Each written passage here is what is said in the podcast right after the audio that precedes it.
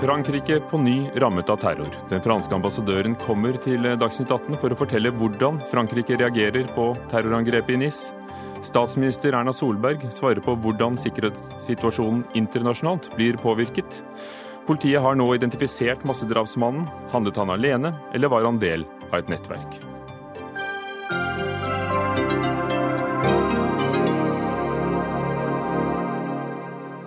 Velkommen til Dagsnytt 18, som i dag kommer til å handle om angrepet i Frankrike, og bare det. Etter å ha kjørt to kilometer og drept minst 84 mennesker på strandpromenaden i Nis i går kveld, ble gjerningsmannen stanset og skutt av politiet. Nå er han navngitt. Mohammed Lawaej Boulel sto bak. Ti av de drepte er barn og tenåringer. 202 mennesker er såret, 48 kritisk. Det var franske ofre, og blant de drepte også mennesker fra USA, Tyskland, Storbritannia og Russland og flere andre land. Nina Kristengård, du befant deg i NIS. Øyenvitne til det hele, på ferie med din mann og datter på 17 år og sønn på 19 år. Dere var på en restaurant like ved der lastebilen stoppet. Hva så du derfra? Eh, vi så denne bilen komme i full fart. Vi reagerte for det første fordi vi visste at eh, gata var eh, stengt av for biler.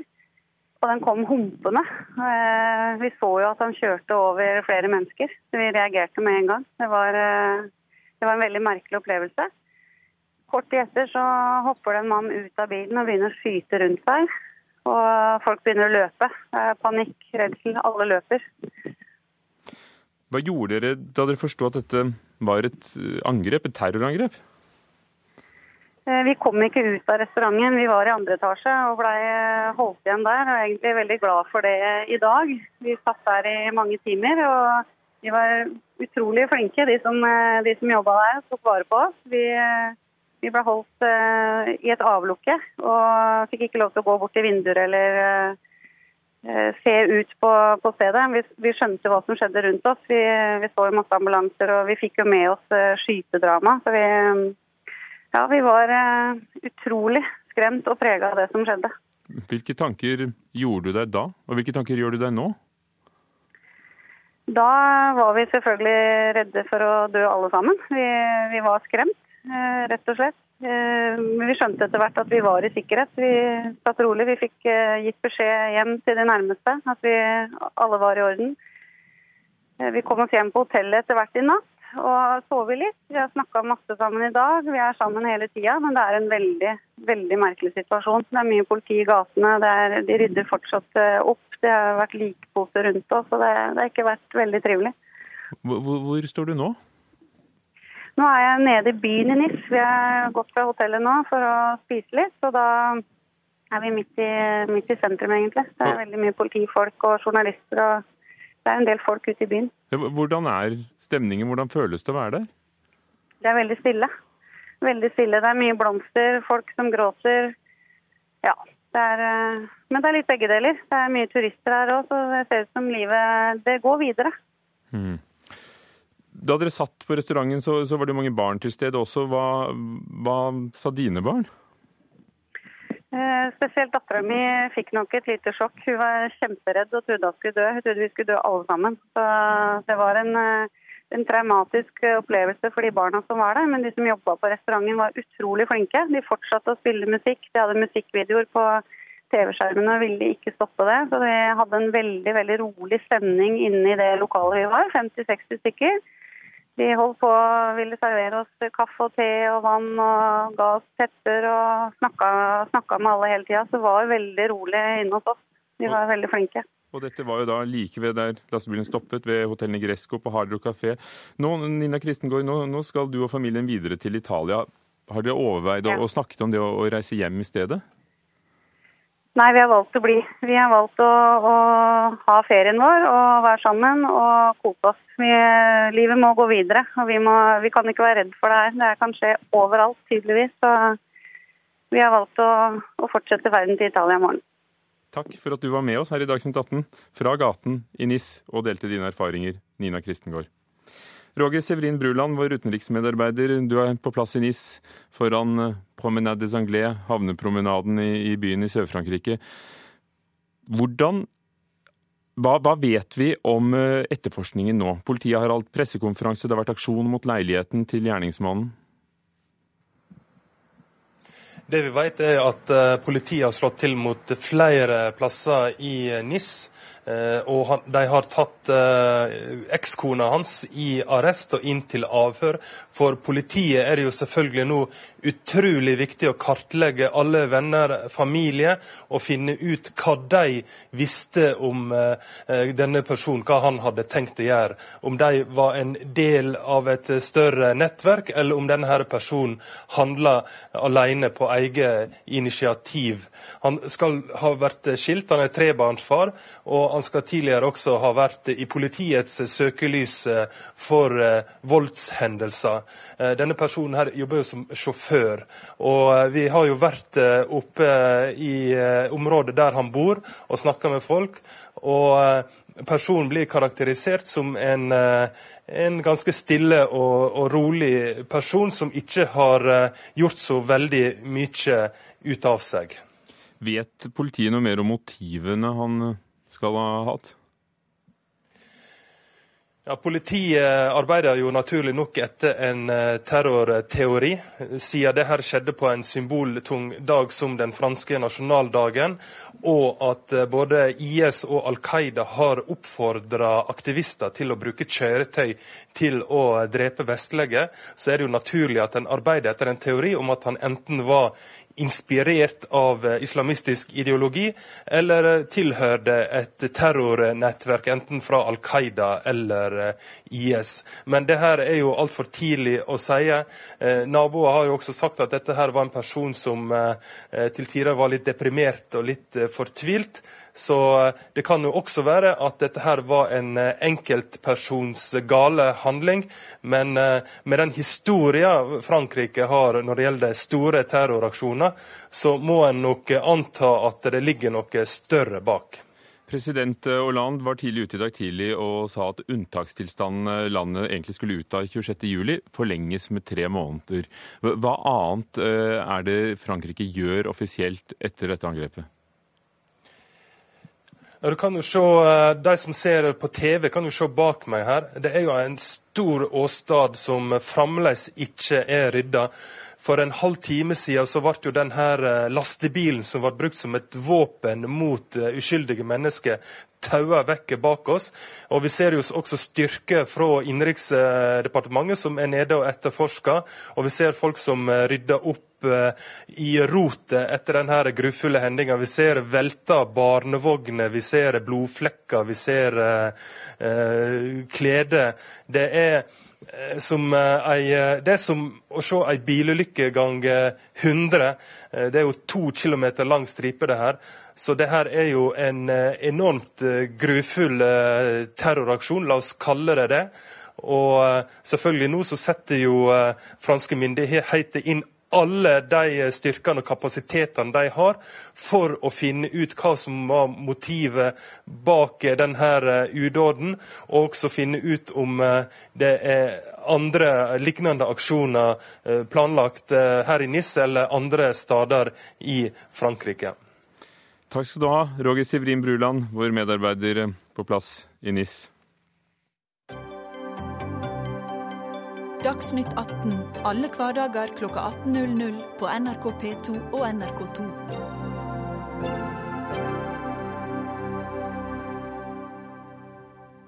Det har vært en tung dag for Frankrike.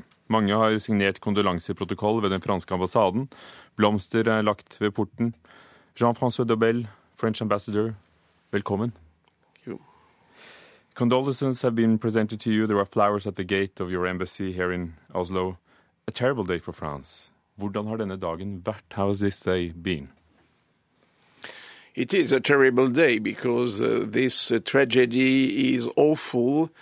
Uh, so far, uh, more than uh, 84 people have been killed, and the toll uh, could be much heavier. So, I would like to convey a message of condolence to all the families of the victims and uh, once more, terrorism has hit my country. It's uh, the third time since uh, January uh, 12, 15.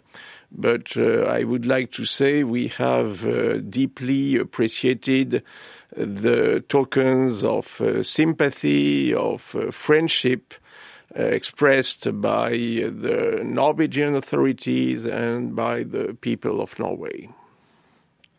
Så han kondolerer selv på, til ofrene og takker for all sympatien og kondolansene som har kommet både fra det offisielle Norge og fra norske eh, borgere på dette som er en skrekkelig dag for Frankrike. For det er tredje gangen på kort tid at store terrorangrep eh, rammer.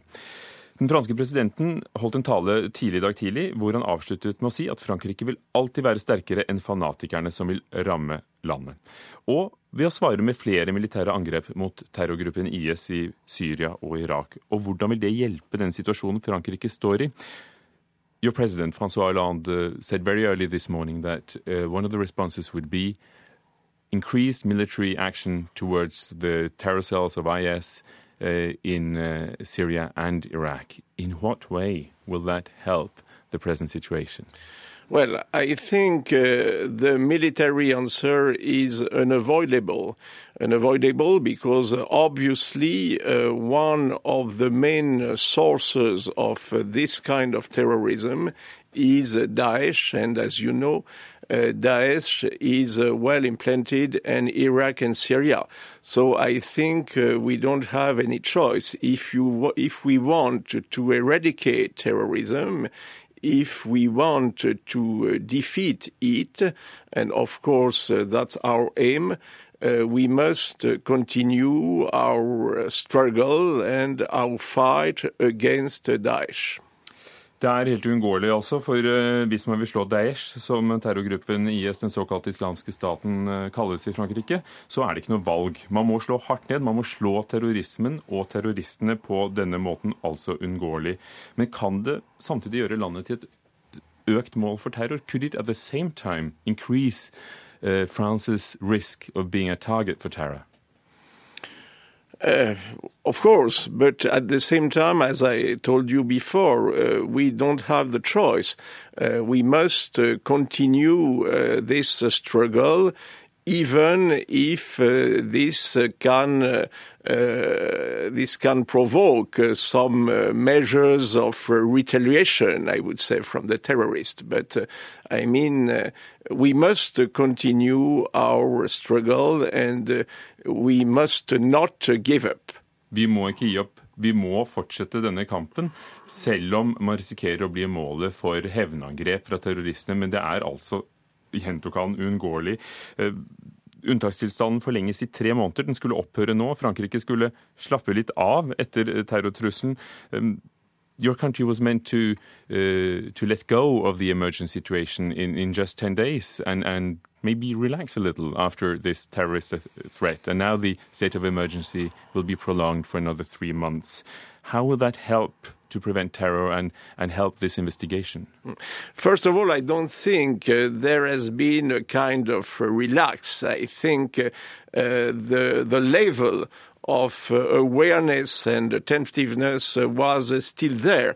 And I would like to draw your attention on the fact that the author of this attack was unknown Uh, to the services of police. So, but uh, of course, uh, the prorogation of the state of emergency uh, will uh, give the police legal means to pursue their investigations, especially the house arrest and the search warrants. So, from a legal point of view, I think it's necessary to prorogate the stage of emergency for some more months. Så helt nødvendig fra et juridisk synspunkt for å lette etterforskningen, husransakelser, eh, alt det de redskapene politiet trenger for å etterforske. Eh, og tilbakeviser han at det var ikke snakk om å slappe av på noen måte. Det beviser det at gjerningsmannen her ikke var på sikkerhetspolitiets radar, eh, selv om han hadde vært tatt for i søkelys for mindre kriminalitet, men han var ikke en del uh, av den overvåkningen som skjedde. Men Frankrike har altså aldri slappet av. So you have never relaxed even after the European Championship where the guard obviously was very high. Absolutely. No, I don't think so. I don't think so. But of course, you see, uh, this attack is symbolic.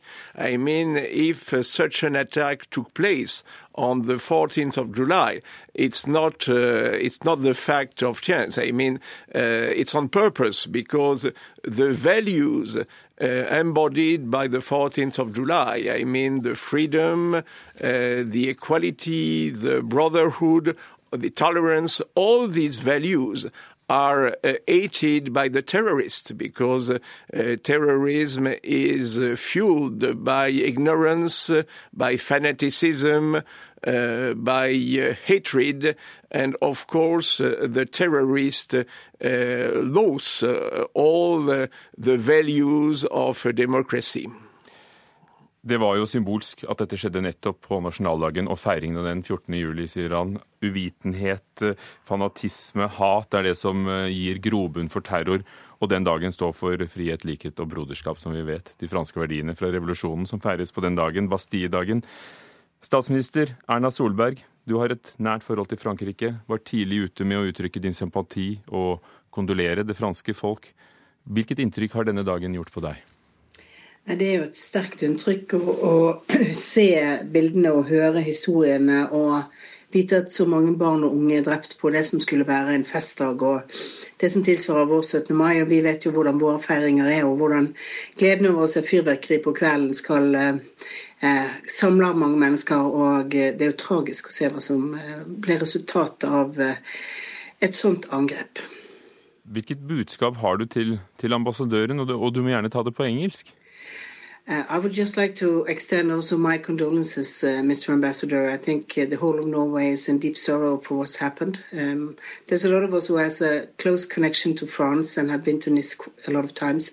We know those streets and we know the whole uh, beach area that um, was hit last night, and uh, we are very sorry. Especially our condolences to the families. Thank you, Mrs. Prime Minister, for uh, your taken of sympathy. France, uh, Mr. Ambassador, has now stepped up border controls, mobilized 10,000 military uh, uh, and the police and the gendarme and the operational reserve as well. Altså Frankrike har nå virkelig stormobilisert. Uh, what can the international society and Norway do in this struggle, as you describe it as a struggle? Yes. Uh, well, I think it's very important uh, for France and Norway uh, to express our solidarity in this struggle against such a scourge, such a plague as terrorism. And so, uh, as I uh, told you before, we have appreciated not only all the tokens of sympathy expressed by Norway, but our, I would say, our deep cooperation in the struggle against terrorism, including in Afghanistan, in Iraq, and in Syria. So it's very important for us uh, to know that uh, Norway is by our side uh, in the field, in the, in the ground as well. Det er viktig for oss å vite at Norge er med oss, det solidariske. Det handler ikke bare om sympatien, men det handler om det dype samarbeidet i kampen mot terror. Monsieur l'ambassadeur Jean-François Dobel, tusen takk for at du kom. Thank you very much. Thank you. Erna Solberg, dette samarbeidet mellom land, er det tilstrekkelig? Hva, hva, hva mer kan vi gjøre eh, på tvers av grensene det er jo veldig mye som skal til for å slå tilbake terrorister. Vi har jo hatt eh, terrororganisasjoner. De har gjerne vært eh, mindre globale tidligere enn det Daesh og Al Qaida er nå. Men det er jo mye av det samme arbeidet. Det er jo å sørge for at de ikke får mulighet til å finansiere operasjonene sine. Det er å slåss mot de i arnestedene der hvor de organiserer seg fra. Men eh, det er også å vaksinere mot den tiltrekningskraften som de kan ha på å rekruttere eh, medlemmer, sympatisører, som vil begå denne typen eh, grov terrorhandling som vi har sett i, i går. Vi hørte den franske ambassadøren si at det var uunngåelig å slå tilbake militært mot IS i Irak og Syria. Og Francois Hollande sa det i morgentimen i dag. Vi vil trappe opp. Frankrike er alltid sterkere enn fanatikerne som vil slå oss. Er det en klok reaksjon, slik du ser det, å umiddelbart uh, uh, trappe opp det militære?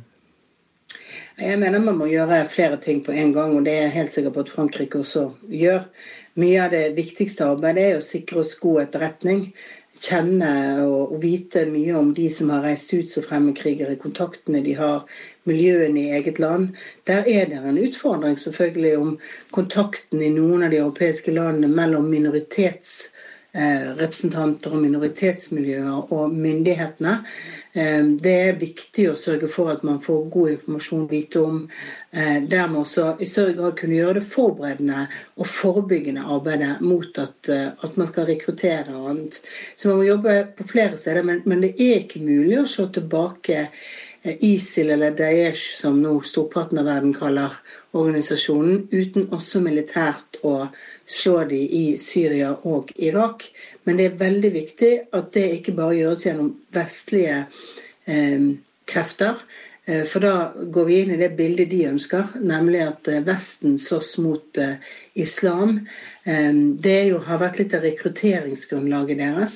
Derfor har det alltid vært viktig for oss å se at vi må jobbe med sunnimuslimske grupper som kan appellere til de samme innbyggerne Eh, i de samme områdene i Irak og Syria, slik at det ikke fremstår som eh, en vestlig operasjon i seg selv.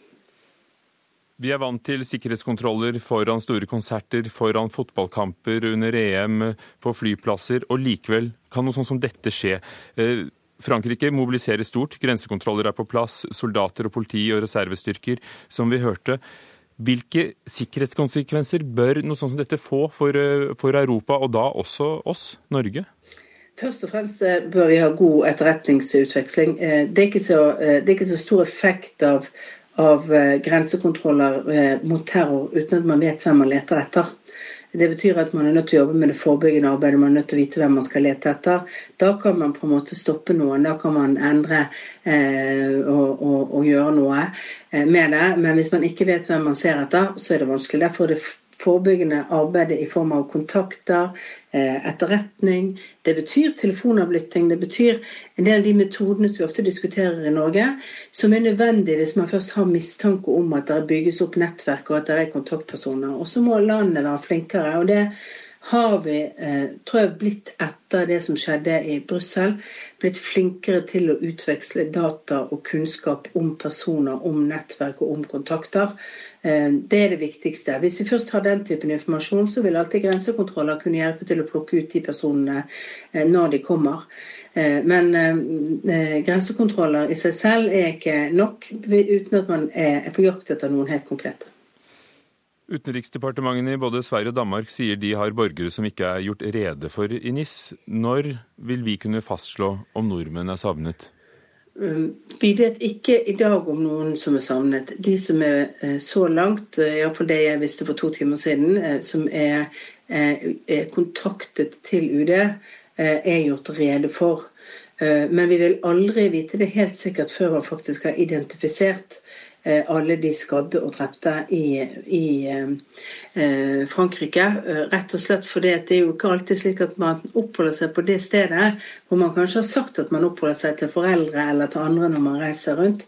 Det er jo en del av ferie og frihetsfølelse, ikke minst for mange unge, å ikke alltid rapportere hjem om hvor man er.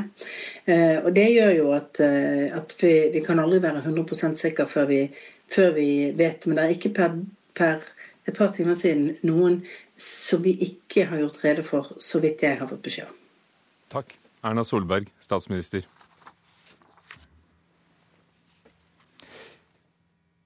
Gro Holm, vår korrespondent i Washington. Vi skal over på det vi hører fra, av internasjonale reaksjoner. Det er altså to amerikanske borgere som er eh, blant ofrene i NIS, som vi vet om foreløpig, en far og en sønn. Hvordan har det påvirket eh, USA?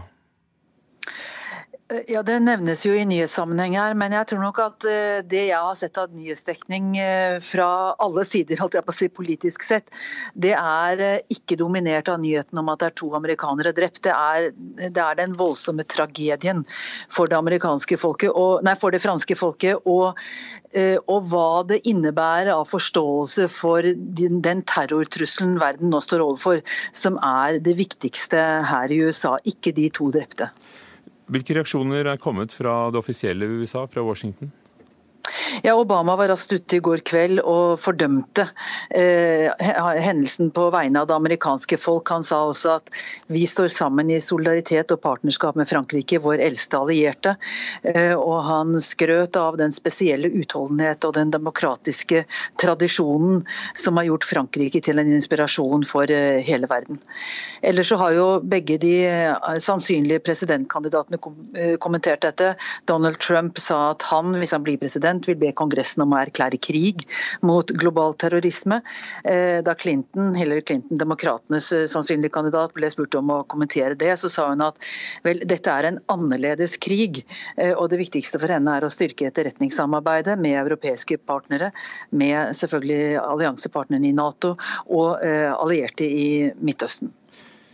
John Kerry, utenriksministeren, er jo i Moskva for å snakke med Putin om borgerkrigen i Syria og om kampen mot terrorgruppen IS. Vil det påvirke USAs holdning og innsats, det som har skjedd i NIS? Jeg tror ikke direkte denne enkelthendelsen, eh, men det er jo uh, Kerrys dype overbevisning at uh, skal man slå IS eller svekke det maksimalt, så må man samarbeide med Russland. Og Han har jo foreslått at det opprettes en felles iverksettingsgruppe, som han kaller det, i Jordan, med representanter for det militære både i USA og Russland, hvor man samarbeider om etterretning og koordinerer bombeangrep. Og USA ønsker da, eller Kerry ønsker at Russland skal øve press på selvfølgelig president Assad, regimet i Syria. Ehm, til gjengjeld så går USA, eller er han forberedt på at USA skal gå med på å bombe også Nusra-fronten. Det har USA gjort i veldig liten grad. Fordi mange av de gruppene som USA støtter, fra tid til annen samarbeider med Nusra-fronten. Men, men, det er veldig kontroversielt her i USA det Kerry foreslår. Eh, mange militære er skeptiske. Eh, man er redd for at her gir USA Russland for stor innflytelse, for mye å si eh, på det som til enhver tid er amerikansk politikk. At man på en måte gir etter og godtar det, den støtten Russland har gitt til Assad-regimet. Og det er upopulært her i USA. Takk skal du ha, Gro Holm i Washington. Og Morten Jentoft, vår korrespondent i Moskva. Hvordan går det med disse samtalene? Hvordan mottas disse planene eh, om en felles gruppe i Moskva? Ja, Hvis vi skal tolke lengden eh, på samtalen, så eh, er det tydelig at et eller annet er på gang. Nå ble riktignok eh, samtalen mellom den amerikanske utenriksministeren John Kerry og utenriksminister Sergej Lavrov avbrutt en kort stund her i ettermiddag for at de to skulle komme til den franske ambassaden her rett ved NRKs kontor for å legge ned blomster og også skrive seg inn i denne kondolanseprotokollen som er lagt ut for å minnes ofrene fra NIS. Ehm, eh, de sitter eh, så vidt jeg vet, fremdeles sammen. Det er tillyst en pressekonferanse nå sent i ettermiddag eller i kveld. Så får vi se hva som eh, kommer ut av det. Eh, John Kerry snakket med Vladimir Putin i går mer generelt om situasjonen i Syria. Eh, og så er det altså meningen at man skal gå inn på eh, ble det sagt da, noen av disse tankene som Gro Holm nevnte her, da, om på et eller annet nivå å ha en slags koordinering av innsatsen, i alle fall flyinnsatsen i, i Syria. Så det blir spennende å se hva som kommer ut av det. Er det like mye skepsis der som vi hørte om fra Washington DC? Nei, det er klart at Dette er jo noe som russerne har ivret for lenge. De har sagt det at man er nødt til å samarbeide både i Syria og også generelt eh, i kampen mot terror. Vladimir Putin var jo ute også i dag da, i forbindelse med sin eh, korte appell eh, med en hilsen da, til eh, Francois Hollande, den franske presidenten og det franske folket, eh, der han sa at Russland har opplevd terror på nært hold. Og skal man kunne vinne kampen mot terror, så er man nødt til å forene kreftene og terror så vi i NIS i går. Er det et angrep som kan få noen konsekvenser også for russisk politikk? Kan det bli brukt på noen måte? Kan det påvirke? Ja, jeg snakket eh, en, en, del med flere uh, opposisjonspolitikere i dag utenfor den franske ambassaden, som kom dit uh, de også da, for å legge ned blomster, bl.a. Eh, Sergej Mitrokhin, som er nestleder i det liberale Ja-blokka-partiet. Han mener det at dette helt klart kommer til å bli brukt i den innstramming, tilstramming av demokratiske rettigheter, bl.a. fri bruk av internett uten kontroll fra de hemmelige tjenester. Dette kommer til å bli brukt av det russiske sikkerhetspolitiet av russiske myndigheter for ytterligere å stramme inn på demokratiske rettigheter, sa han til meg. Sigurd Falkenberg Mikkelsen fra Moskva skal vi gi til deg i Kairo. Hvilke reaksjoner er kommet i Midtøsten? Nei, Her er det en eh, fra politisk hold eh, unison eh, fordømmelse av det som har skjedd. Egyptiske myndigheter her i Kairo stiller seg solidariske med både Frankrike og det franske folk. Saudi-Arabia gjør det samme. Det er jo tette forbindelser mellom Saudi-Arabia og Frankrike politisk. Tyrkias president Tayyip Erdogan snakket om barbarer. Tyrkia ble jo rammet av et terrorangrep på Atatürk-flyplassen nylig. og Mange her i Midtøsten har jo også de mange terrorangrepene som har funnet sted eh, i slutten av ramadan friskt i minne. Kanskje aller verst eh, i Bagdad, der nesten 300 mennesker ble drept eh, på et kjøpesenter. Og Så har vi også hørt fra religiøst hold her i Kairo, Assar-universitetet, som er det høyeste lærestedet for sunni-islam, som også fordømmer dette angrepet veldig tydelig sier at gjerningsmannen følger i djevelens fotspor, og han eh, vil eh, ikke få fred verken i dette liv eller i det neste. En ting som er blitt lagt vekt på, er at eh, gjerningsmannen selv om han er fransk statsborger nå, har tunisisk bakgrunn, har bodd i Tunisia. Hva har det å si? Altså, vi vet jo ikke akkurat hvilke bakgrunn han har rent uh, organisatorisk i forbindelse med dette angrepet. Uh, så Det gjør det litt vanskelig å tegne et presist bilde av ham. Men forbindelsene mellom særlig Sør-Frankrike og Tunisia, er eh, veldig sterke.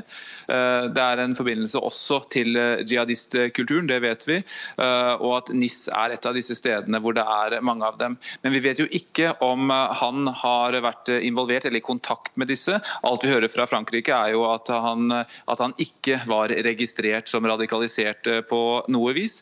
Og så vet vi da ikke om det eventuelt kan ha skjedd på nettet, eller om han bare er en veldig ustabil person.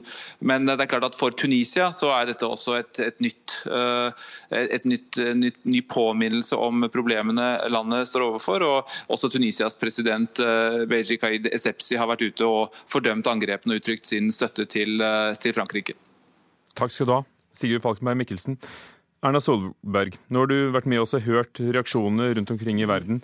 Hvordan skal du og andre statsledere samarbeide for å, for å hindre denne typen angrep? Det er jo eh, egentlig langs eh, tre, eh, tre hovedakser. Det ene er å stoppe den økonomiske, altså økonomiske strømmen inn til den typen organisasjoner. Det er delvis gjort. Det er en av de utfordringene jeg tror ISIL opplever nå, er at de har mye vanskeligere økonomi enn de hadde for en tid tilbake. Det andre er det forebyggende arbeidet som gjør i egne land, det politisamarbeidet eh, som skjer mellom landene. Det for å forhindre rekruttering og nettverk i eget land for, som, som danner grunnlag for at man kan ha kontakter eh, mot terrororganisasjoner. Og så er den tredje eh, rett og slett eh, å, å, bygge en allianse som er sterk nok til å slå tilbake igjen eh, ISIL eh, og andre organisasjoner av den typen der hvor de har sine opptreningssteder og sine sikre områder. Takk skal du ha, statsminister Erna Solberg.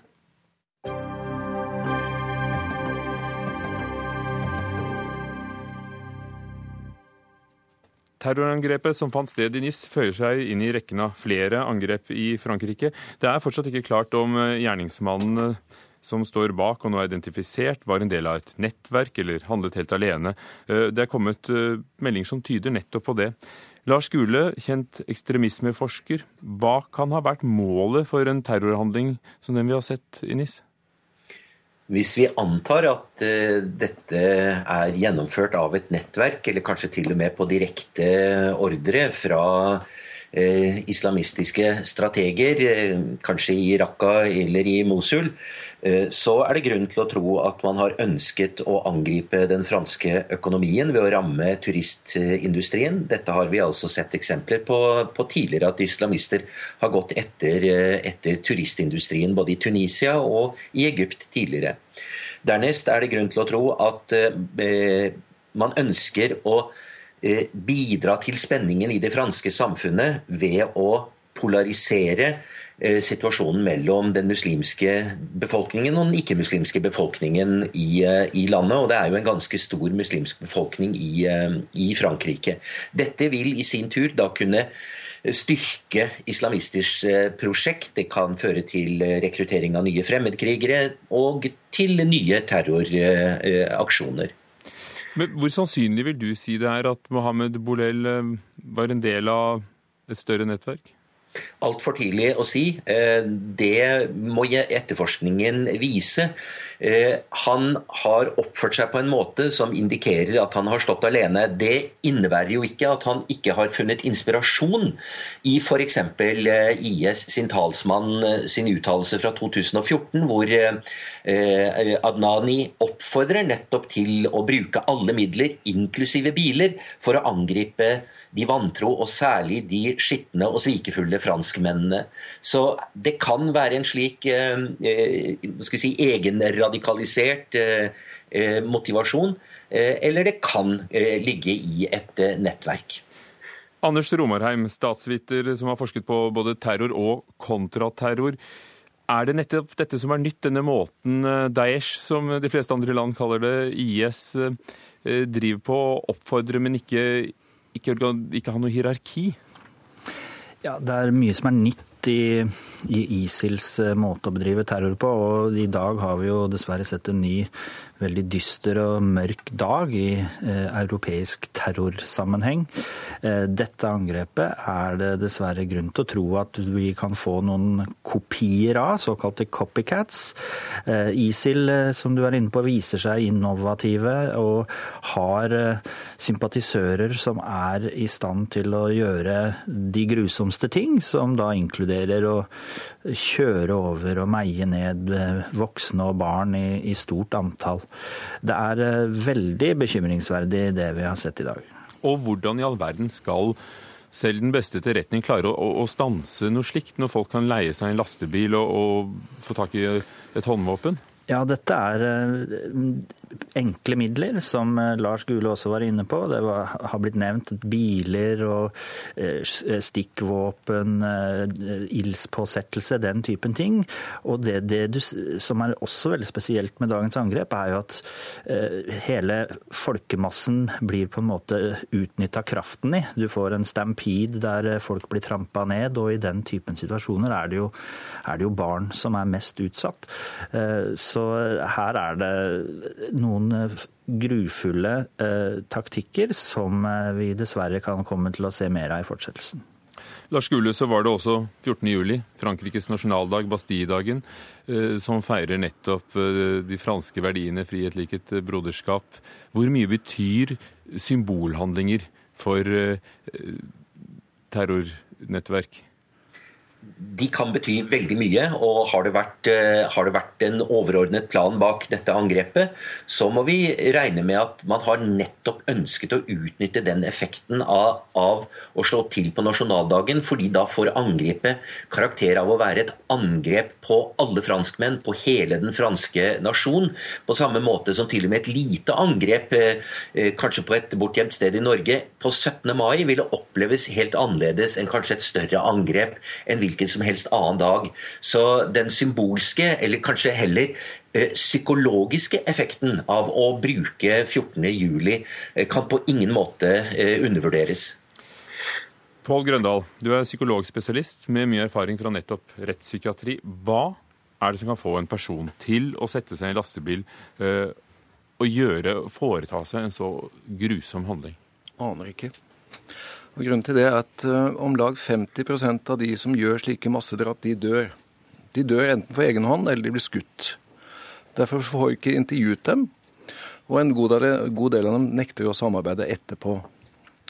Slik at for en del så må vi gjette oss til, og i en del studier så har vi uh, faktisk fått intervjuet dem. Og veldig mange, rent på et rent personlig plan, dreier seg om hevn. Krenkethet eller en ekstrem dedikasjon til en sak. Sånn at det er en enorm variasjon blant motivene bak massedrapsmenn.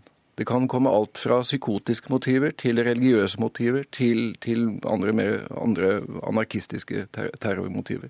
Så variasjonsbredden bak disse menneskene er stor, men vi må regne med at dedikasjonen er veldig sterk og ekstrem, og at man hele tiden forsterker sin egen holdning om at det jeg gjør nå, det er helt, helt riktig. For hvis man ikke har den. Og hvis man mister den, så kan man jo nærmest bli helt sprø av tanken på hva man faktisk har gjort. Så de må opprettholde en idé om at det jeg har gjort, det er riktig. Lars Gule, for deg som terrorforsker, hva er det som gjør at, at du, du, kan kalle dette terror og ikke, ikke en sinnslidende manns verk, altså en gal manns verk, for å si det folkelig?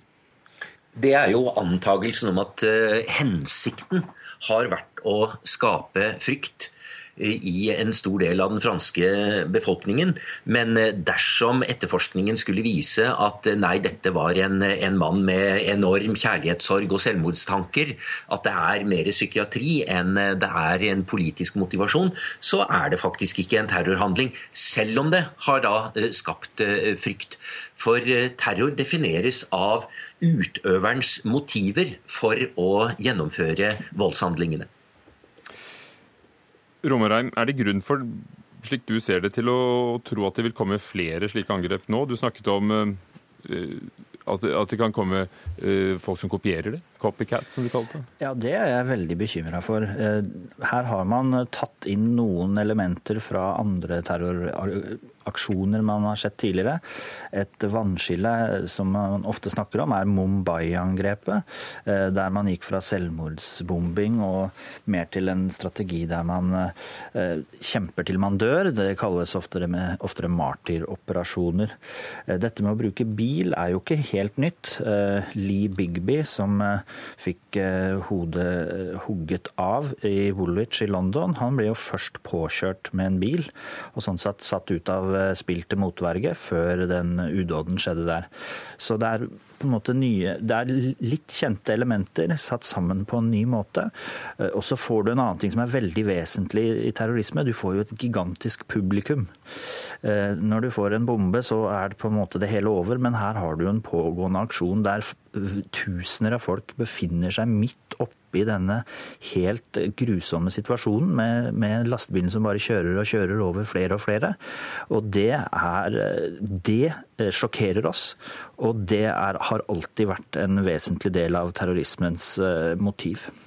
Og i 2014 var det to episoder med Eh, bilister som kjørte inn i folkemengder blant fotgjengere i, i, Nantes og Dijon, også i Frankrike. Da var det én som døde, men med mange som ble skadet. Pål Grøndal, er det noen måte å kunne forutsi hvem som vil kunne være i stand til å begå en slik handling? Nei, det er ikke det. Og Grunnen til det er at vi kan godt lage profiler. Og Vi vet fra forskningen at det er visse, visse særtrekk som kanskje kjenner igjen disse personene. La oss ta personer som har skutt på skoler, så vet vi at dette er unge, hvite, sinte, ensomme, våpenfikserte menn. Og han her, hva har vi hørt av vitner, hadde vært deprimert, var ensom, men det er det jo mange som er. Ja, det er nettopp det. Det er nettopp det. Så uansett hvor sofistikerte profiler vi lager, så vil vi bomme. Fordi at disse menneskene, som vi la oss si, la oss si at det er sinte, unge, hvite menn med våpenfiksering, så er det så utrolig mange av dem som, all, som er det, men som aldri kommer til å begå en slik handling.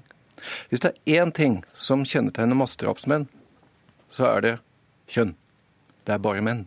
Men vi kan jo ikke da si at på en risikoprofil så må vi passe på alle menn her i verden.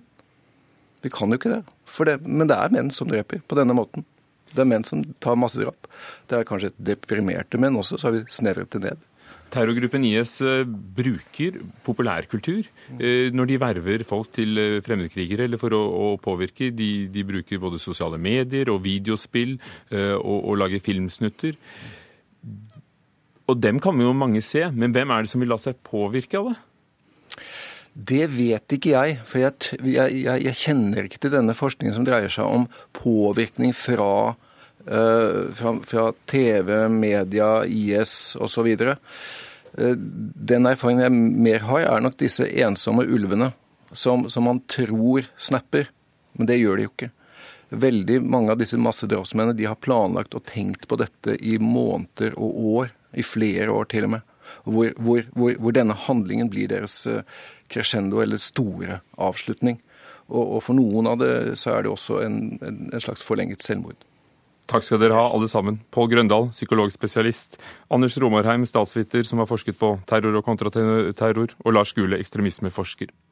Klokken er straks 18.45. I NRK1 blir det nå nyheter fra alle landets distrikter. Dagsnytt 18 fortsetter i NRK2 og på radio i NRK P2.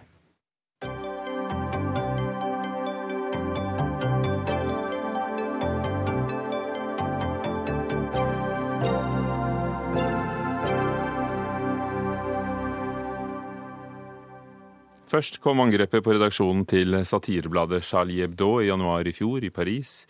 Konsertlokalet Bataclan og flere andre steder i Paris sist november. Og nå terrorangrepet i Nis. Frankrike har vært gjennom tre alvorlige angrep på bare halvannet år. Det er et rystet land, og til neste år er det både valg av president og valg av ny nasjonalforsamling. Frank Orban, førsteamanuensis ved Høgskolen i Volda. Hvordan vil det påvirke fransk politikk at uh, dette terrorangrepet har rammet nå? På kort sikt kan man uh, tenke seg at, uh, at, handlingen virker samlende. Det vil si at presidenten er mannen med ansvar. Nasjonen samler seg bak presidenten i en tung tid, og han kan eventuelt høste en viss, en viss støtte i opinionen. Men som du påpekte, så er dette eh, ikke tredje, men fjerde gang det skjer et attentat i Frankrike. Jeg vil gjerne ta med mordet på dette politiet i Paris i juni. Hvorfor det? Fordi at for første gang så oppsøkte man Eh, eh, altså funksjonære hjemme hos, selv, hjemme hos dem og drepte dem på stedet. Noe som skaper veldig stor usikkerhet hos politifolk og alle som jobber for, eh, for, for staten på en, en, annen måte. Så, så, Vi snakker om fire handlinger, og ikke tre, som, som på en måte påpeker at dette er en, en, en kontinuerlig prosess. Slik at hvis, hvis, hvis, ikke, hvis ikke regjeringen og hvis ikke statsmakten og presidenten kan vise til konkrete resultater i bekjempelsen av terrorisme, så vil dette absolutt virke svekkende på statsmakten og ikke styrkende. Og jeg noterer at de første reaksjoner fra republikanerne, dvs. Si høyresiden eh, i Frankrike, bl.a. Christian Estrosi, som har vært ordfører i, i Nice, har vært langt mer kritiske enn det man hadde sett både i november og i januar med Charlie Hebdo. Altså kritiske til? Direkte til presidenten. Til Hollande. Anklagde Hollande, Hollande og, og, og, stat, og, franske myndigheter for å ikke klare å håndtere problemet. Eh, det som kan også være en indikasjon på dette, er jo at eh, for ikke lenge siden, dvs. Si 5. juli, så leverte en, eh, en granskingskommisjon på nasjonalforsamlingen en rapport om attentattene 13. november, hvor konklusjonene påpekte at det var alvorlig hull, bl.a. i etterretningen, og at dette måtte tettes så fort som mulig.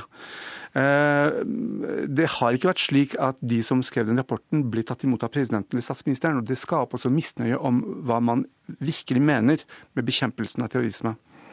Raino Malnes, professor i statsvitenskap ved Universitetet i Oslo, og også en som følger Frankrike tett. Nå skal det altså avholdes to valg til neste år, som vi hørte. Vil du si at det blir større politiske skiller mellom de forskjellige både kandidatene og partiene eh, etter terrorhandlingene?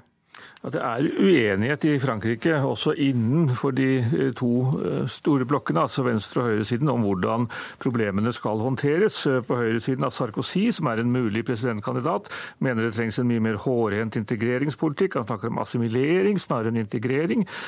På venstresiden så er unntakstilstanden vært gjenstand for kritikk. Altså, men jeg tror, hvis vi skal se tilbake på det som skjedde i kjølvannet av de forrige aksjonene, så er det altså en kortvarig politisk politisk unntakstilstand, og så er, vender tingene i veldig stor grad tilbake til det gamle. Det er også påfallende at oppslutningen om Nasjonal Front har ikke blitt merkbart endret som følge av disse terroraksjonene. Det er et parti som har bygget seg opp sakte, men sikkert til å bli et maktfaktor i Frankrike, opptil 30% av velgerne i enkelte valg. Og jeg tror altså men Forbauser det deg? Hadde du trodd at det skulle uh, ha et mer utslag for Nasjonal Front? Uh, altså, du kan si som så at i usikre tider så søker man jo også til moderate politikere, politikere som ikke skaper mer frykt.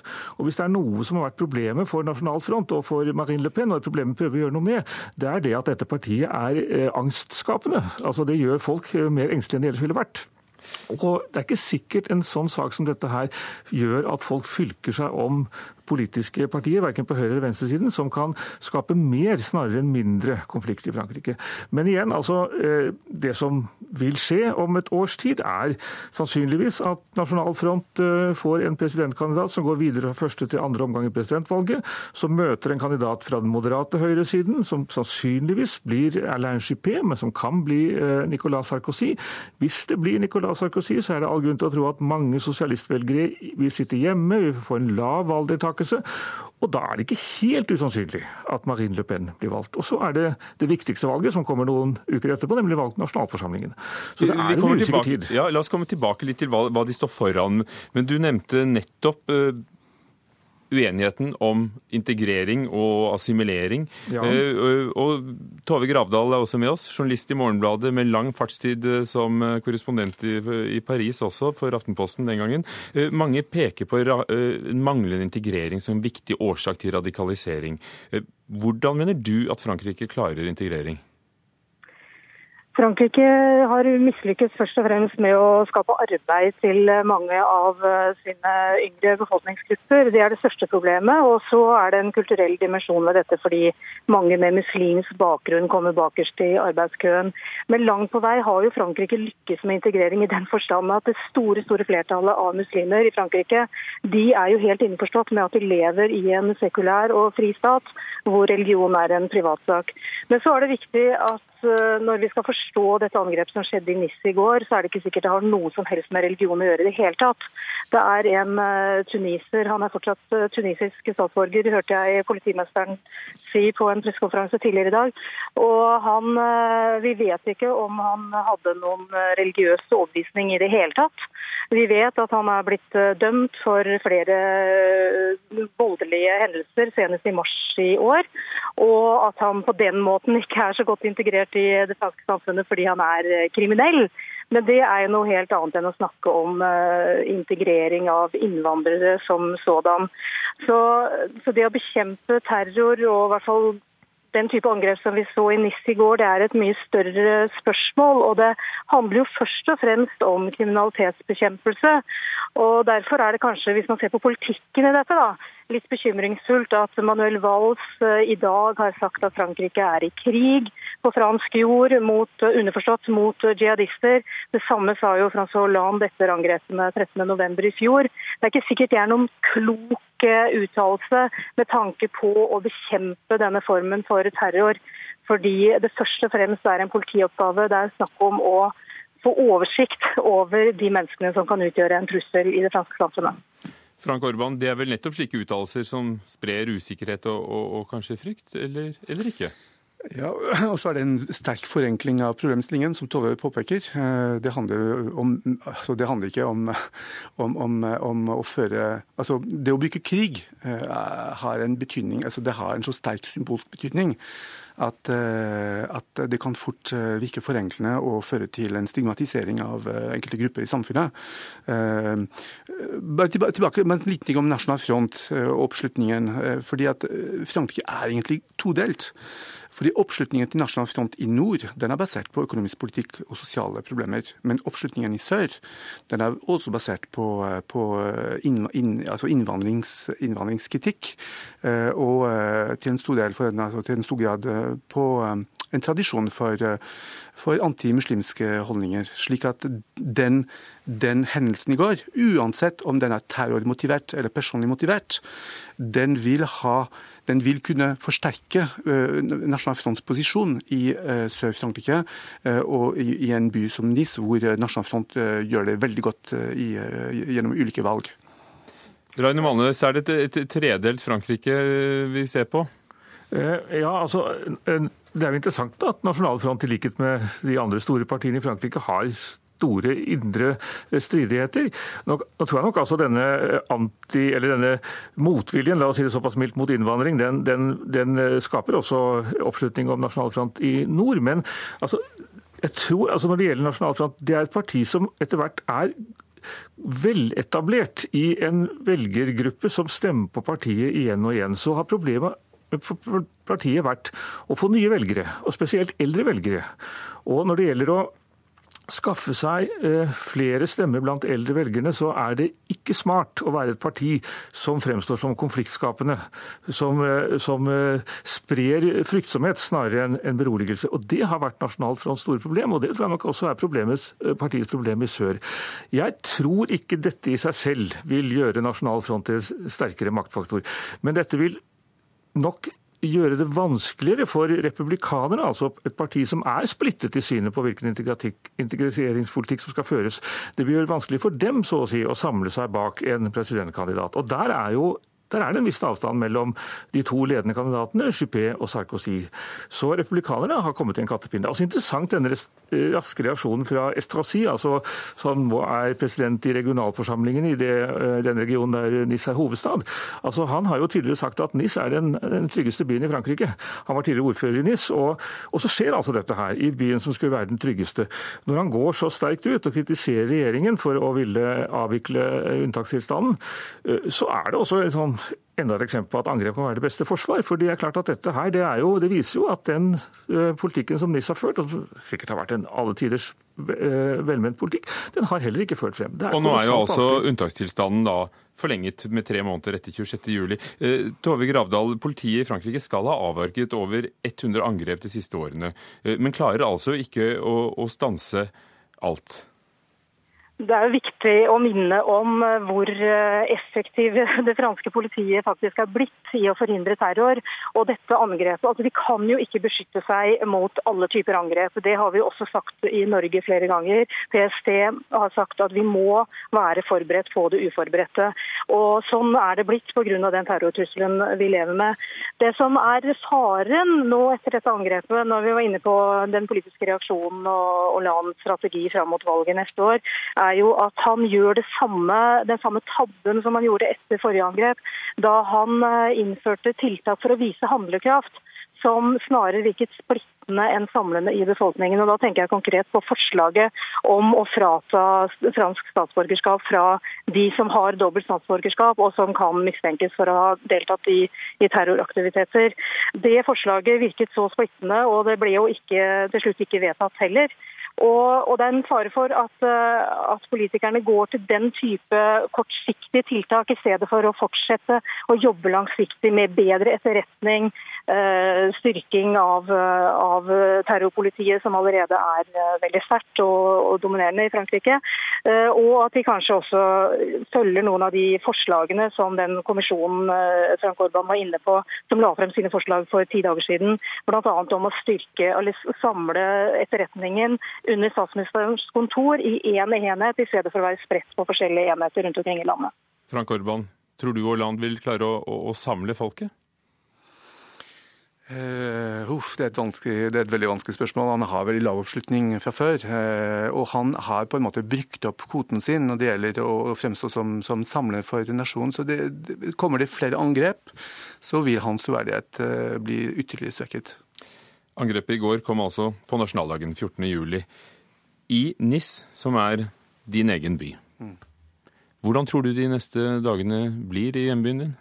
Du må bare se på bildet av eh, promenaden i dag. Den er helt tom. Eh, og det som var en eh, slags idyllisk sted, har blitt, har blitt helt tragisk. Altså, den, den, bukten heter faktisk, den heter faktisk Englenes bukt. Og i dag så er den et symbol for, for noe av de mest grusomme som man har sett på lenge. Så jeg tror det vil prege byen i lang tid fremover, selv om folk vil leve, selv om folk nekter å gi opp sin livsstil. og, og, og det, det, det, går veldig sterkt inn på folk. Så det er grusomme scener som man uh, så i går kveld. Takk skal du ha. Frank Orban, førsteamanuensis ved Høgskolen i Østfold. Raine Malnes, professor i statsvitenskap, og Tove Gravdal, journalist i Morgenbladet. Denne utgaven av Dagsnytt 18 har altså i sin helhet handlet om angrepet NIS i går, der politiet har identifisert Mohammed Wolel som gjerningsmannen. Dag Dørum var produsent og ansvarlig for sendingen. Lisbeth Sellereite, teknisk ansvarlig. Ugo Fermariello, programleder. Takk for i dag.